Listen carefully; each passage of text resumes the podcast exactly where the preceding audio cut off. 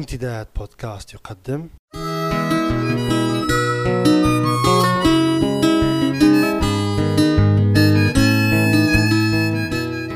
رسالة من لندن. مع جمعة بوكليب.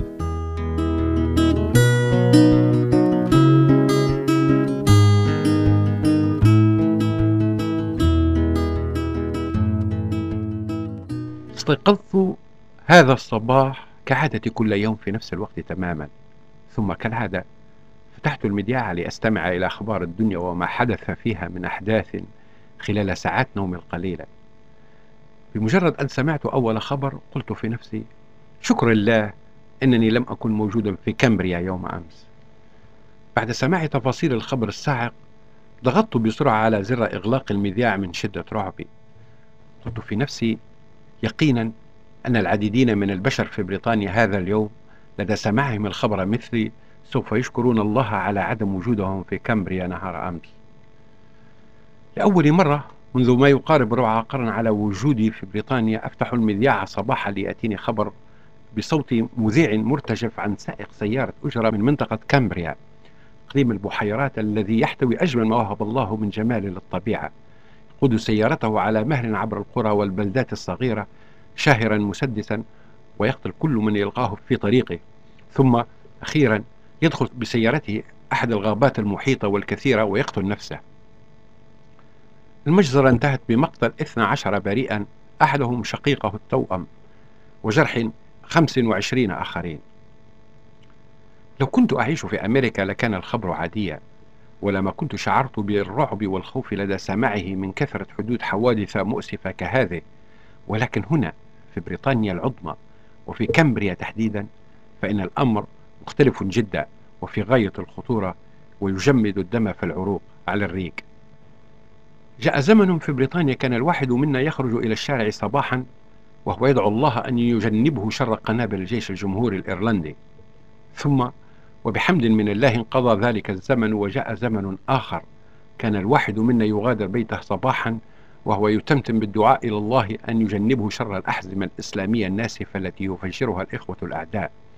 لكن زمن الإخوة الأعداء لم ينتهي بعد ومسلسل الأحزمة الانتحارية ما زال في حالة بيات وسيظهر من جديد في أي وقت وسيلقى أناس أبرياء حتوفهم وستخرب بيوت وتترمى النساء ورجال ويتيتم أطفال وتستمر الدنيا في عادة سيرها على رأسها إلى أن يرث الله الأرض الخراب ومن فوقها من عباده الظالمين وإلى أن يأتي ذلك اليوم فإنه يتوجب على المرء بعد هذه الحادثة الموجعة أن يدعو الله وهو يغادر بيته صباحا أو مساء أن يجنبه شر الأحزمة الإسلامية الناسفة وأن يجنبه كذلك شر ميتة عشوائية وعبثية ورخيصة على يدي شخص يعاني من مشاكل عائلية لا يعرفه ولم يره في حياته.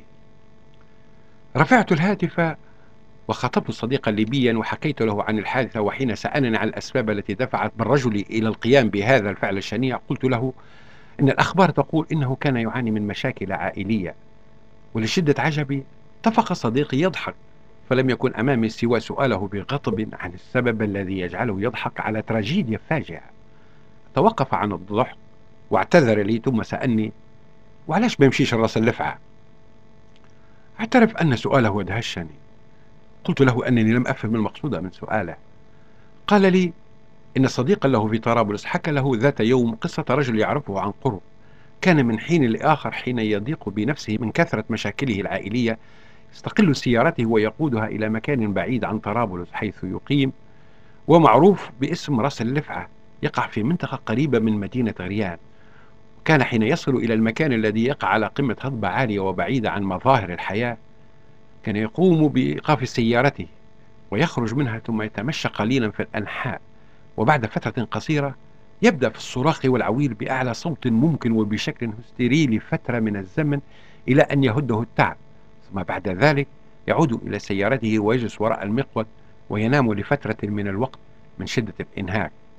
وحين يصحو يشغل السيارة ويقودها بهدوء إلى بيته من جديد حتى يحين موعد النوبة الثانية.